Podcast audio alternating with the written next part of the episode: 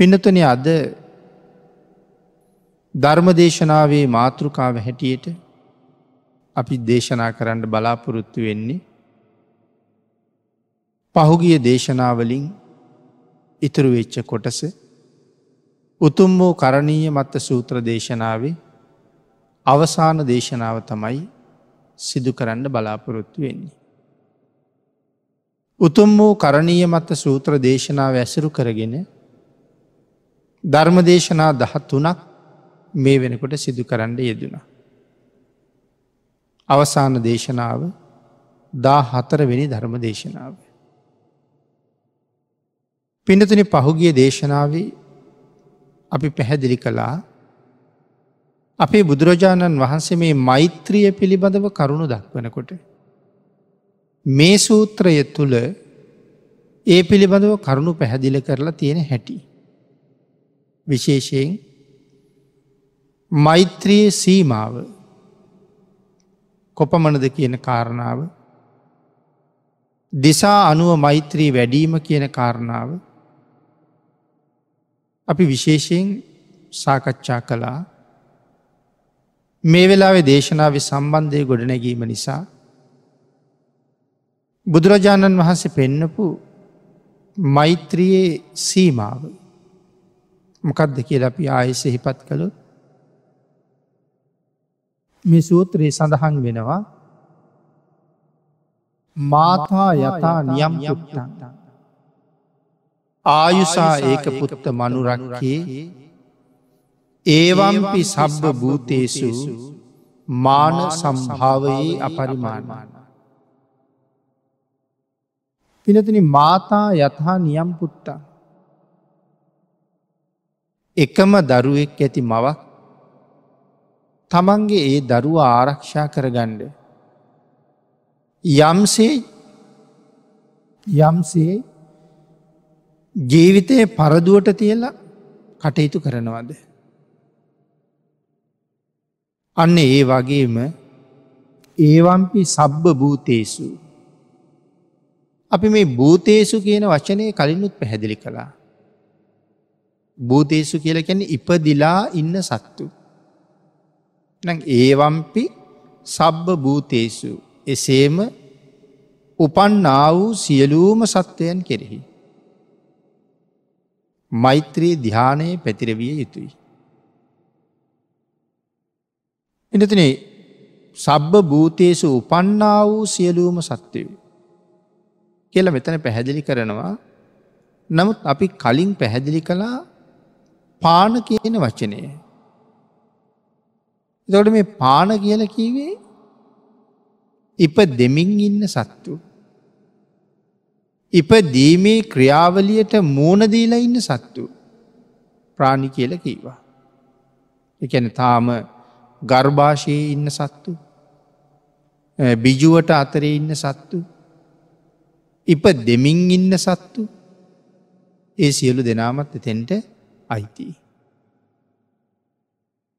මාන සම්භාවයේ අපරිමාණන් අප්‍රමාණ ලෙස මෛත්‍රයේ මනස මේ සියලු සත්වයන් කෙරෙහිම වැඩිය යුතුයි කියලා දේශනා කළා.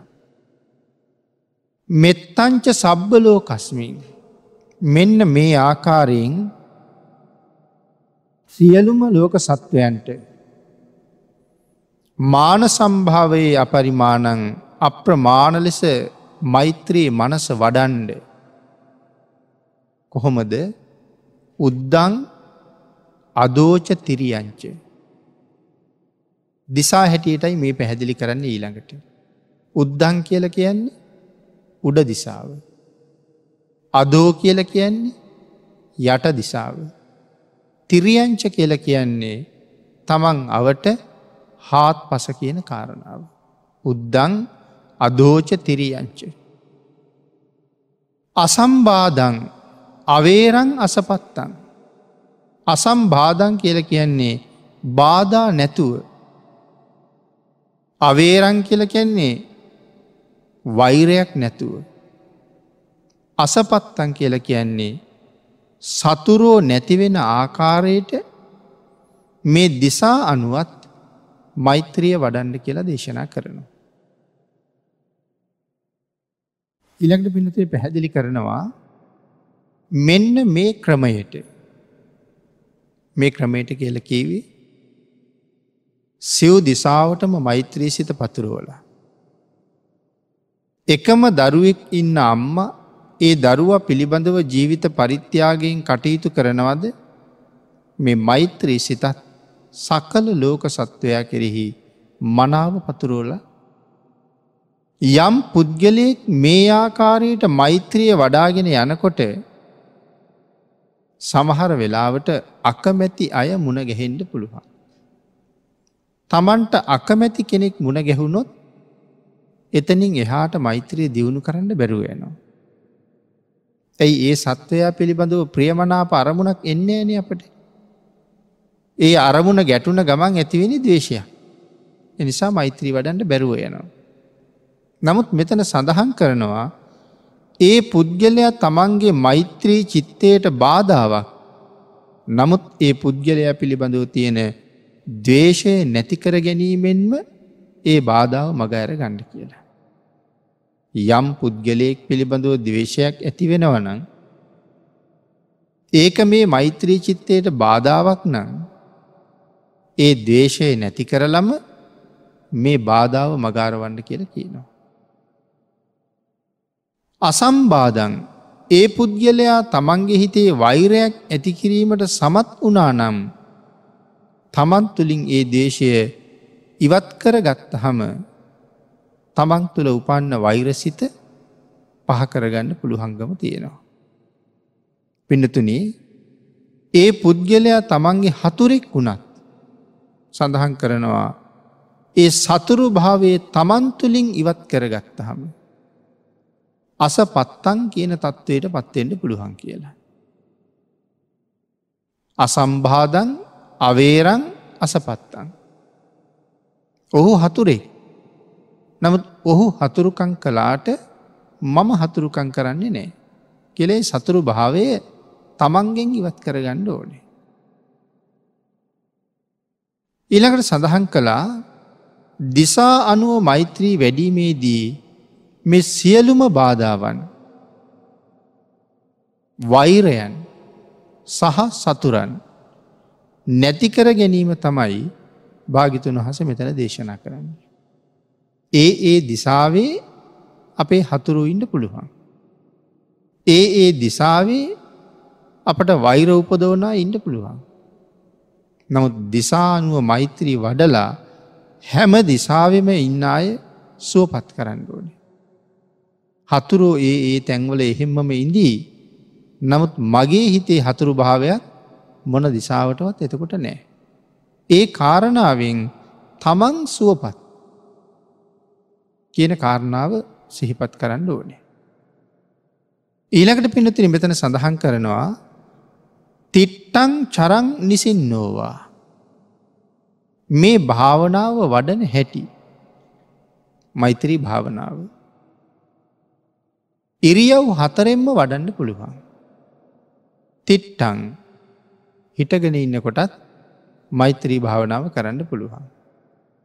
චරං කියල කීවේ එහාට මෙහාට ඇවිදින කොටත් මෛත්‍රී භාවනාව කරන්න පුළුවන්.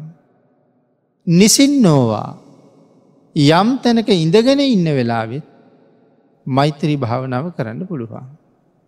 සයානෝවා නිදාගනත් මෛත්‍රී භාවනාව කරන්න පුළුවන්.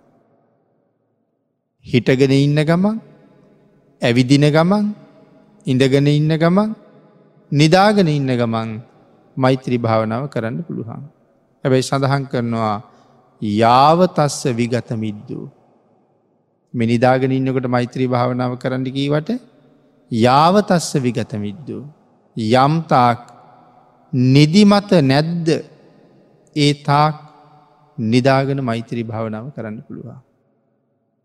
නිදිමතාව භාවනාවක් කෙරෙන්නේ නෑ නින්දයනවා. එකයි සඳහන් කළේ යම් තාක් නිදිමත නැද්ද ඒ තාක් භාවනාව වඩ. හොඳටම නිදිමත වෙලා යහනට ගිහිල්ලා මෛත්‍රී භාවනාව වඩන්න ගත්තට ඒක සාර්ථක වෙන්නේ නෑ කියන කාරණාවයි මේ සඳහන් කරලා තියෙන.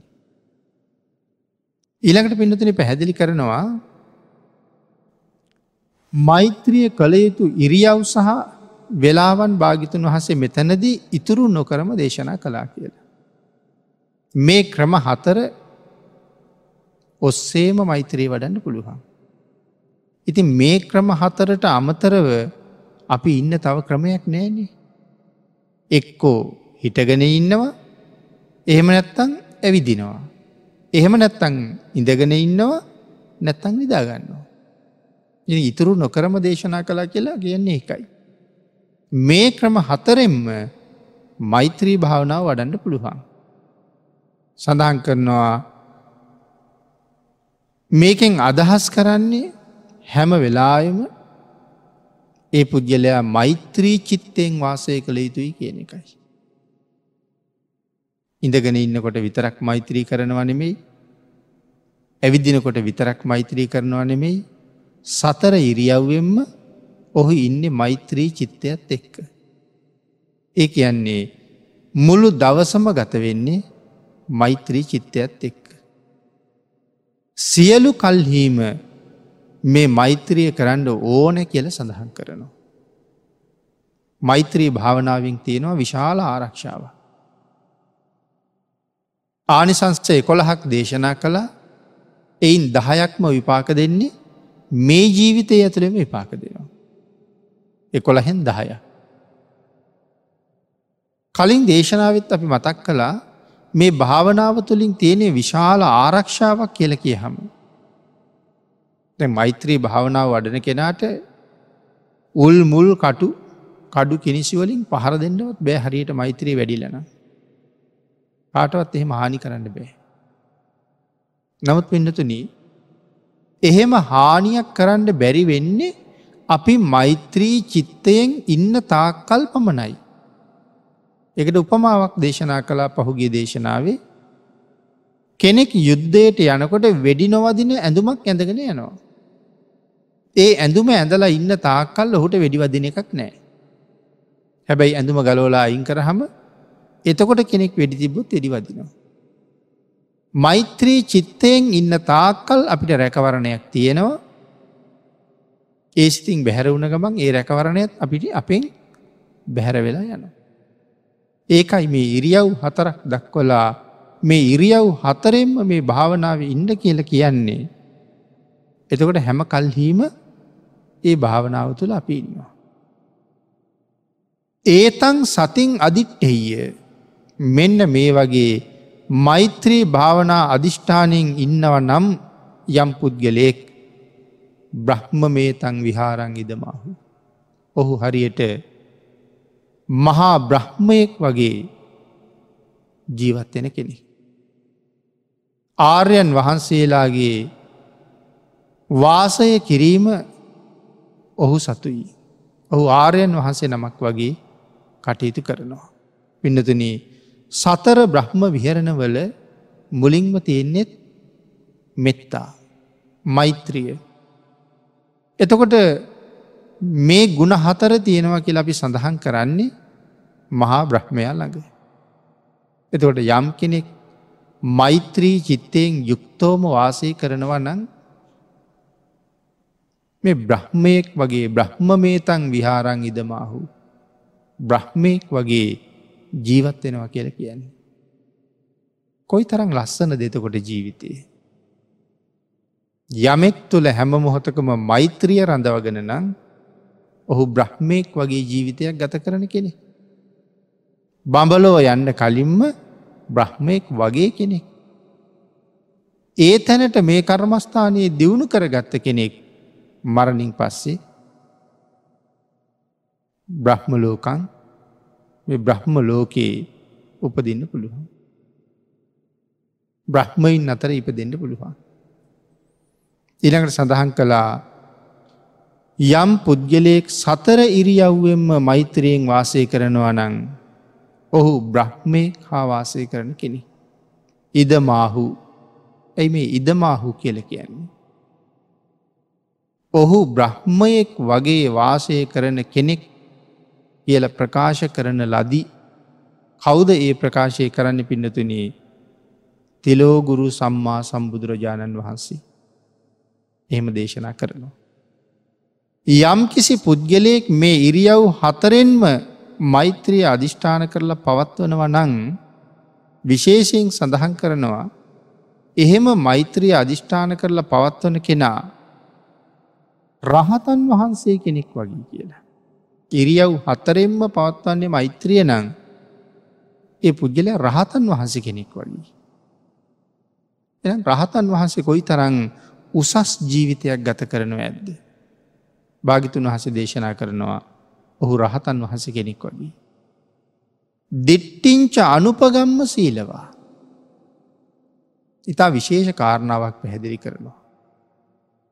දිට්ටිංච ඇයි දිට්ටි කියල කියන්නේ මිත්‍යා දෘෂ්ටිවලට.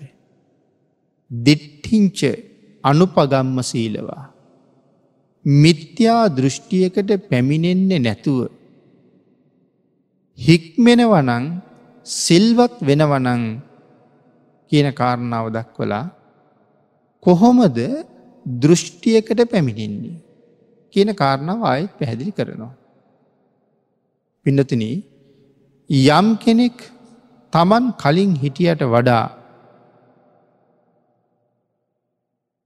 හොඳ විදිහට ජීවත්වෙනවන. නැතම් හොඳ දෙයක් තමන්ට ලැබුණහම අපිට ඒදේ පිළිබඳව ඇල්මක් ඇතිවෙනවා. හොඳ කෑමක් ලැබුණහම ඒ කෑමවේල පිළිබඳව අපට ඇලීමක් කැමැත්තක් තියෙනවා. අපිගේම අපි යම් ආපන ශාලාවකින් ආහාර ගත්ත කියලා. එතකොට ඒ පැත්තෙන් යනකොට හැමදාම එතනින් කෑම කණ්ඩ හිතනවා. ඒ පිළිබඳව එතන සම්බන්ධයෙන් ඇලීමක් ඇලීමක් තියෙනවා. ඊළඟට සඳහන් කළා සාමාන්‍ය පෘතජ්ජන පුද්ගලයෙක් තමන් කලින් අනුභව කරපු ආහාරයම හොයනවා. යම් නිවසකට ගියොත් හොඳට හදල තියෙන. එතන ඉඳල ඔහු ඒ නිවසින් බැහැර වනත් ඒ නිවස ගැන කල්පනා කරන. හොඳ ගයක් පිල්ලිවලට තියෙන ගයක් හොඳට සැලසුම් කරලා හදපු ගයක් මමත් එහෙම හදන්න ඕනේ. ඒවාගේ ඒවාගේ ඒ නිවස පිළිබඳව ඇලීමක් ඔහුට තියෙනවා. කැමති ආහාර හොයන්ඩ බොහෝසේ උත්සහ දරනවා. ආංගේ නිසා සඳහන් කලා පින්නතින ඇලීමක් තියෙනවා ඒ ඇලීම සැපයි කියලා හිතනවා. සැප සහිත අරමුණ. මොකක්ද හොඳ ආහාරය. හොඳ නිවසක්. වෙනදට වඩා අලුත් දෙයක් ලැබුණහම ඒක ගැනත් වැඩි වැඩියෙන් හිතනවා. එතකොට දැන් අපි හිතනවා එතන සැපයක් තියෙනවා කියලා. දිට්ටිංච එක දෘෂ්ටිය ඇත්තට මෙතන සැපයක් තියෙනවාද. එතන කිසි සැපයක් කිසි සැපයක් නෑ. මායාවක් තියෙන්නේ. රැවටීමක් තියෙන්නේ. ඇලීමක් තියෙන්නේ ගැලවීමක් නෑ. නමුත් අපි හැමෝම උත්සාහ කළ යුත්තෙමොකටද මේ සංසාරයේ ආපහු ආපහු ඇලෙන්ඩ නෙමෙයි මේ සංසාරයෙන් වහවහා ගැලවෙන්ඩ. එහෙමනම් දැන් අර හොඳ කෑමවේල හොඳ නිවස මේවා හොඳයි කියලා කියනවනං මේ ලෝකෙ හොඳ දේවල් වලට මොනවද අපි කියන්නේ. ආං ඒක නිසා කියනවා මේ තියෙන්නේ මිත්‍යා දෘෂ්ටිය.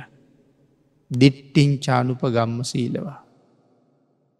දෘෂ්ටියකට පැමිණෙන්නේ නැතුව හික්මෙනවනං සිල්වත් වෙනවනං කොහොමොද දෘෂ්ටියකට නොයන්නේ කියන කාරණාවයි සඳහන් කරන්න. තමන් කලින් හිටපු ස්වභාවයට වඩා හොඳ දෙයක් ලැබුණ හම එකටත් ඇල්ලෙන. ආංගේ කාරණාව විස්තර කරන්න අපූරු උදාහරණයක් දක්වනවා. අපි මේ හොයන සාමාන්‍ය හැම සැපයකටම වඩා මේ ලෝකෙ තියෙන උසස්ම සැපයක් ධ්‍යාන සුවය කියලා. නමුත් අපි කවුරුවත් ඒක විඳල නෑ. මේ තියෙන සියලුම සැප්පයන්ට වඩා ධ්‍යාන සුවය උසස් කියල දේශනා කරනවා. පිඩතුන අපේ බුදුරජාණන් වහන්සේ ගිහි ගෙදර ඉන්න කාලි. බෝසතාණන් වහන්සේට තිබුණ සැප මේ ලෝකෙ තව කාටවත් තිබුණද මිනිසුන් අතර ඊට සමාන වෙන්ඩවත් බැරි තරං පුදුම සැපයක් තිබුණ. ඒ සැපයන් පිළිබඳව නොයෙක් දේශනාවල් වලින් අපේ පින්නතු නහලතියෙනවා. සුද්දෝදන මහරජ්ජුරුවෝ විතරක් නෙමෙයි දෙවිවරුත් උන්වහන්සේගේ සැපය උදෙසා කටයුතු කළා. එ දෙවියෝ පොකුණක් හදල දුන්නා. පැම් පහසු වෙන්න ජල ක්‍රීඩා කරන්න කුඩා කාලි. තවත් නොයෙක් උදව් කරපු අවස්ථා තියෙනවා. නමුත් නිසි වයසට ආවට පස්සේ මහ බෝසතාණන් වහන්සේ කල්පනා කරනවා මේ මාලිගාවේ කිසි සැපයක් නෑ. මාලිගා කීයක් තිබුණද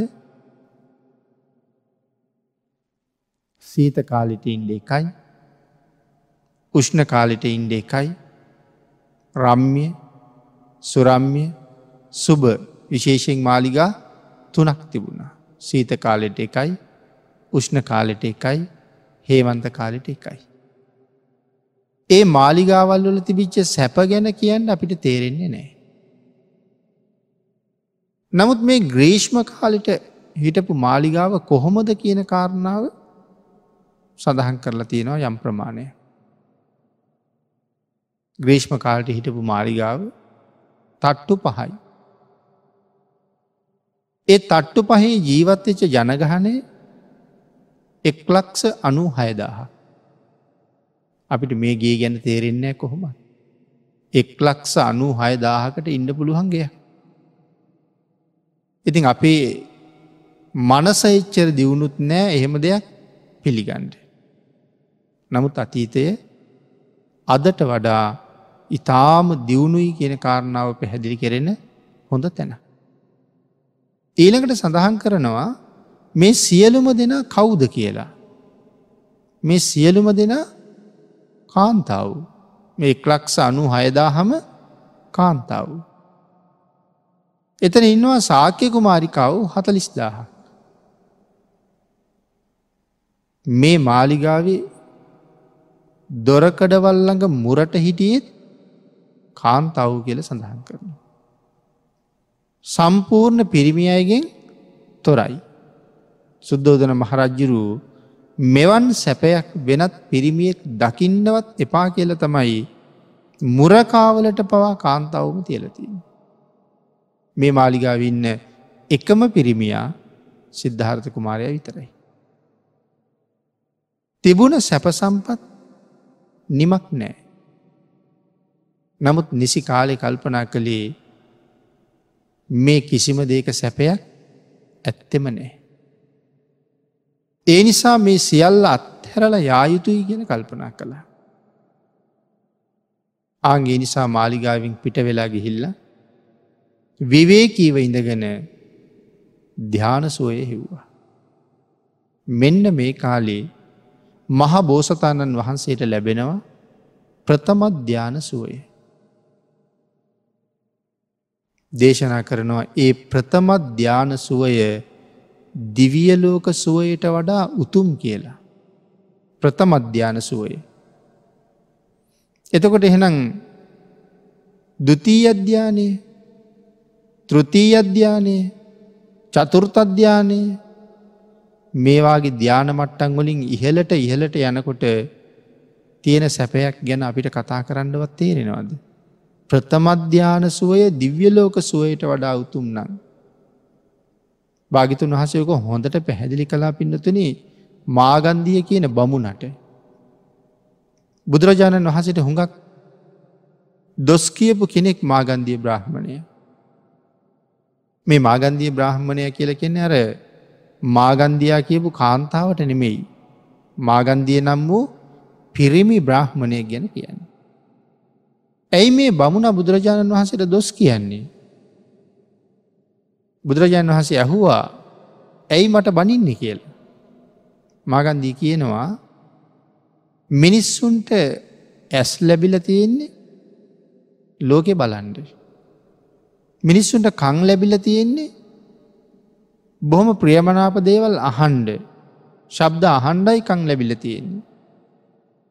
එමනං කණ කට නාසය ශරීරය මේ ඉන්ද්‍රියන් ලැබිල තියෙන්නේ සැපවිඳින්ට මිසක් පාලනය කරගෙන හංගගෙන තියාගෙන ඉන්න නෙමේ මේ ඉන්ද්‍රියන් ලැබිල තියෙන්නේ සැපවිඳින්ට. එතකොට බ්‍රාහ්මණය බනිනවා ඔබ වහන්සේ යම් තැනක දේශනාවක් කළොත් මිනිස්සුන්ට කියන්නෙම ඇහැ පාලනය කරන්න කියලා. කනපාලනය කරන්න කියලා. දිවපාලනය කරන්න කියලා. එතකොට මිනිස්සුන්ට මේලෝකෙ ලබන්ඩ තියෙන සැපය ඔබෝහන්සේ විසින් නැති කරනවා. මේ ඉන්ද්‍රියන් අරගෙන ඇවිල්ල තින සැප විඳින්ඩ. නමුත් භාගිතන් වහස විසින් ඒ සැපය නැති කරනවා කියලා බුදුරජාණන් වහසට චෝදනාවක් කරනවා වෘද්ධි නාසකය කියලා. මිනිස්සුන්ගේ දියුණුවට බාධා කරන්න කියලා චෝදන කරන. ඉතින් බුදුරජාණන් වහන්සේ බ්‍රාහ්මණයගේ චෝදනාව අහගෙන ඉඳලා. බ්‍රාහ්මණයගෙන් අහනෝ හොඳයි. දැන් ඔබල කියන්නේ ඇහැ වඩන්ඩ කියලනි භාගිතුන් වහසේ පාලනය කරන්න කියනවා මෙගොල්ලු ඇහැ වඩන්න කියල කියනවා. භාගිතුන් වහසේ අහනවා මාගන්දියේ. තැන් රූප බලල රූප හොයලා රූප රසවිඳල රූපයෙන් මත්වෙලා ඉඳලා රූපයේ ආදීනව දකිනාය ගැන මොනවද ඔයගොල්ලන්ගේ ධර්මය දේශනා කරලා තිය. මගන්දි කියෙන අපේ ධර්මය නම් ඇහැ පාලනය කරන්න කියන්නේ.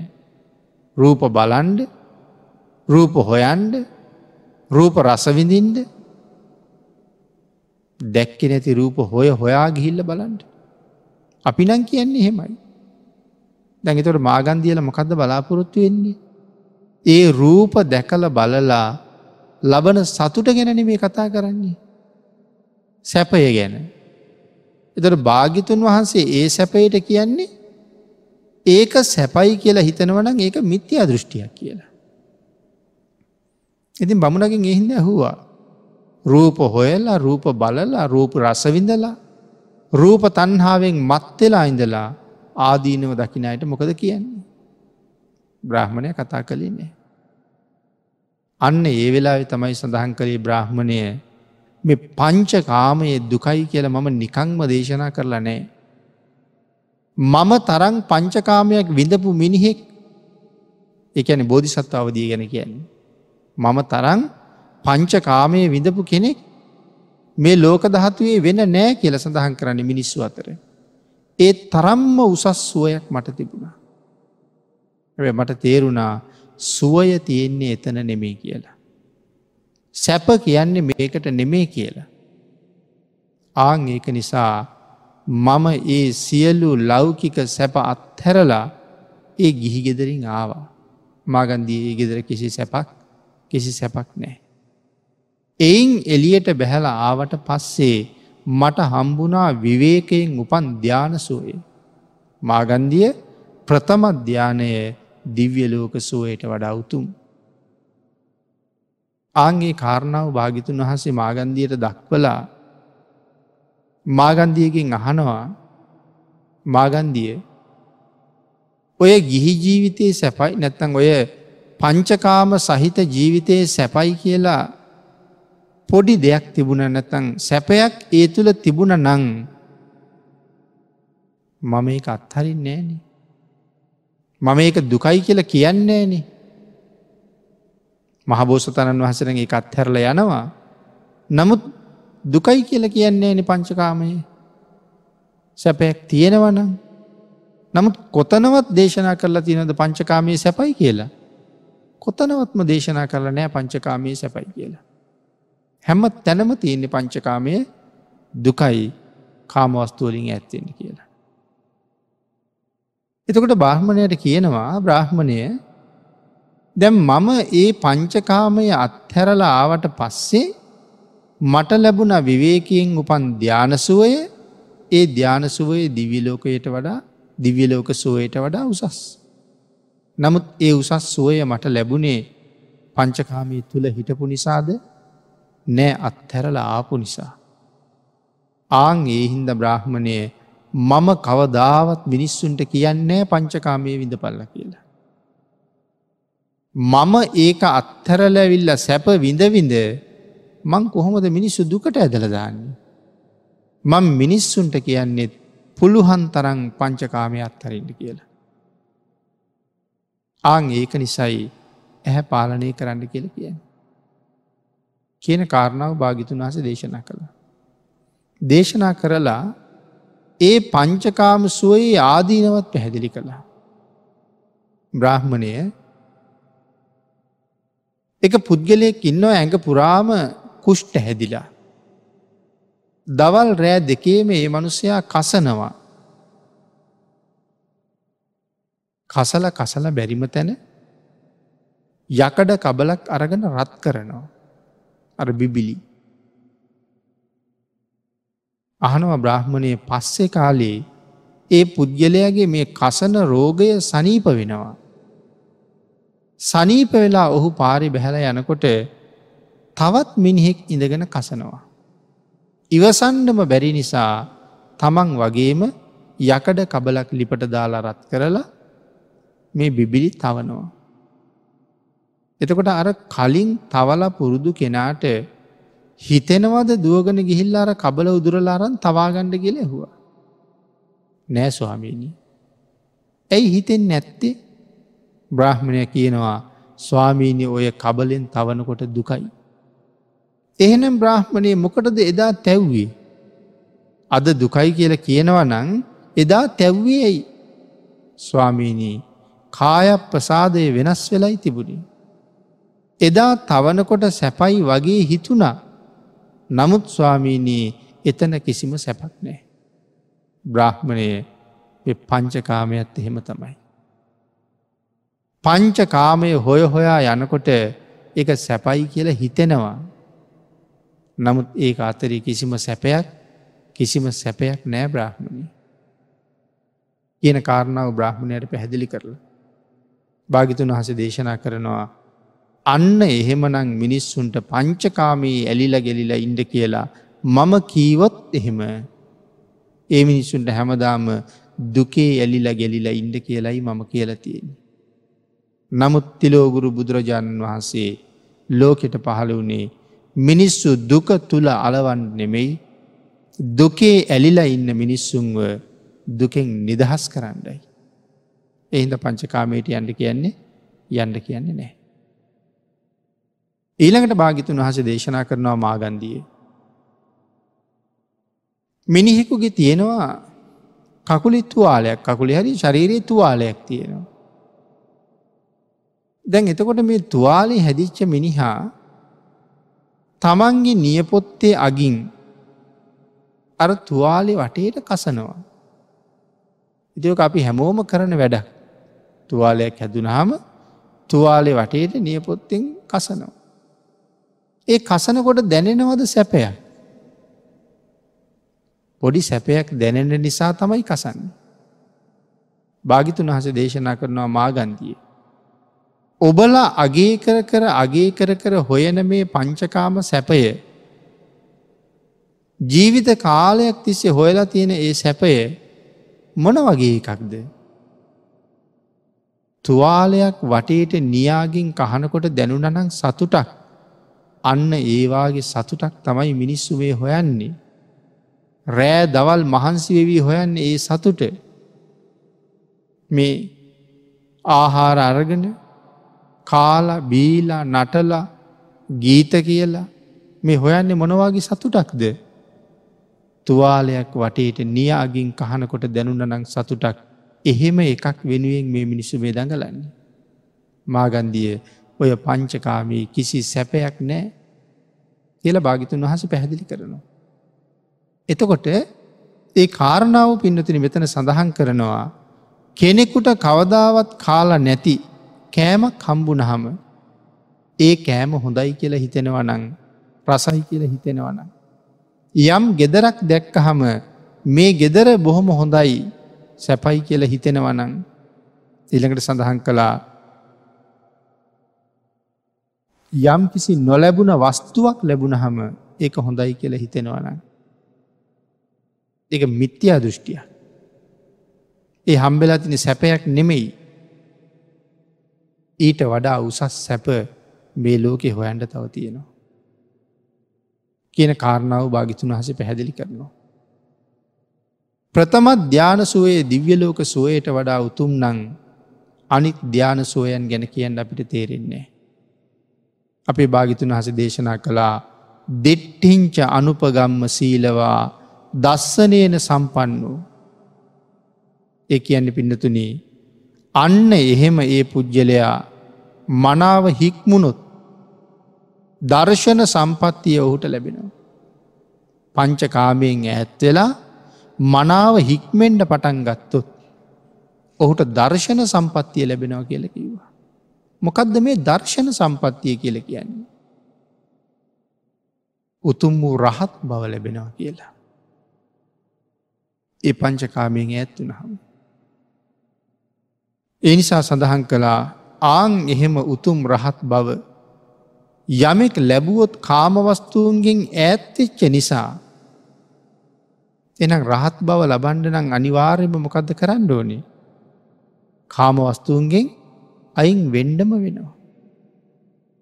තමන්ට තමන් පිළිබඳව තියෙන ඇලීම අයින් කරගන්නත් ඕනේ. තමන්ට අනුන් පිළිබඳව තියෙන ඇලීම අයින් කරගන්නත් ඕනේ. අම්ම තාත්තා ස්වාමයා බිරිඳ දරුවූ දැරියු හිතවත් අය ඥාතීන් මේ හැමෝම පිළිබඳව තියෙන සියලු බැඳීම් නැත්තටම නැතිකරපු දාට තමයි මේ දර්ශන සම්පත්තිය හම්බවෙන්නේ. කාමේසු විනෙය්‍යගේදන් කාමයන්හි දැඩි ගිජු බව යම් දවසක නැති කරලා දැම්මොත්. නහි ජාතු ගබ්බසෙයන් පුනරේති. ඒ පුද්ගලය නැවත කවදාව. නහි ජාතු ගබ්බ සෙයියන් මේ ගැබක සයනය කරන්න කවදාවත් එන්නේ නෑ. ඒකැන ආය උපදින්නේ නෑ කියන එකයි. පංචකාමයෙන් ඇත්තිච්ච කෙන මේ සසර ගමන වේගින් යනවා. මේ සංසාරය වේගින් කෙටි කරනවා. සතර අපායෙන් ඉක්මනට ඈත්වෙනවා. ඔහු නිරේ පැත්තට යන්නේ නැතුව නිවන පැත්තට යනවා. පංචකාමයේ සැපයි කියල හිත හිතා ඉන්න අපි නිවන පැත්තට යනවට වඩා වේගෙන් නිරේ පැත්තට යනවා. අපිට එදිනෙදා වැඩක් කරගන්න කාලයක් නෑනි පිඩතුනි. කාලි මදි පින්කමකට යං කියල කිවොත් වෙලාවක් නෑ. සිල් ගණ්ඩ යං කියල කිවොත් වෙලාවක් නෑ. ගුණයක් පුරණ කටයුත්තකට යංකිවොත් වෙලාවක් නෑ. වෙලාවක් තිබුණොත් එන්නම් කියල කියන්නේ. පුළුවන් උනොත් එන්නම් කියල කියන්නේ. එම සසර සුවපත් කරන කාරණාවට එන්ඩ වෙලාවක් නැත්තේ පංචකාමයට ඇලෙන්ට තියෙන නිසානි. තාම හරිහම්බ කරගන්නට තියෙන නිසානි. එමන අපි වැඩියෙන් යන්නේ කොහාටද නිරයි පැත්තට. අඩුවෙන් තමයි නිවන පැත්තට යන්න. දවසට පෑ විසි හතරක් තියෙනවා. පෑ විසි හතරෙන් පැයක් දෙකක් ඕන්නන් බුදුන් ඇඳල බනහයි. ඉතුරු පෑ විසි දෙකම මොකක්ද කරලා තියෙන්නේ. ඉතුරු පෑ විසි දෙක මිඳල තියෙන කාම සම්පත්ති.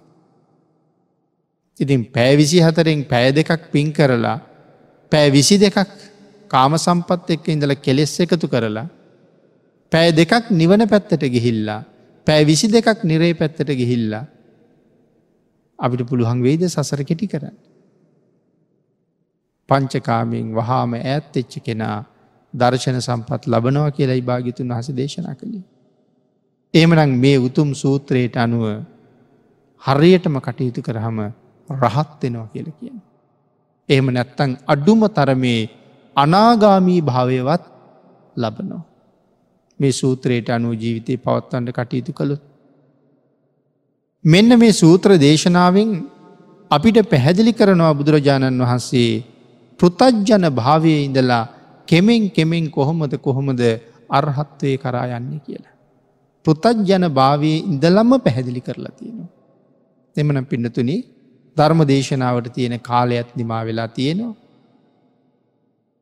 කරණීය මත සූත්‍ර දේශනාවෙක් සිදු කරපු අන්තිම ධර්ම දේශනාවත් වෙනවා මේ දේශනාව.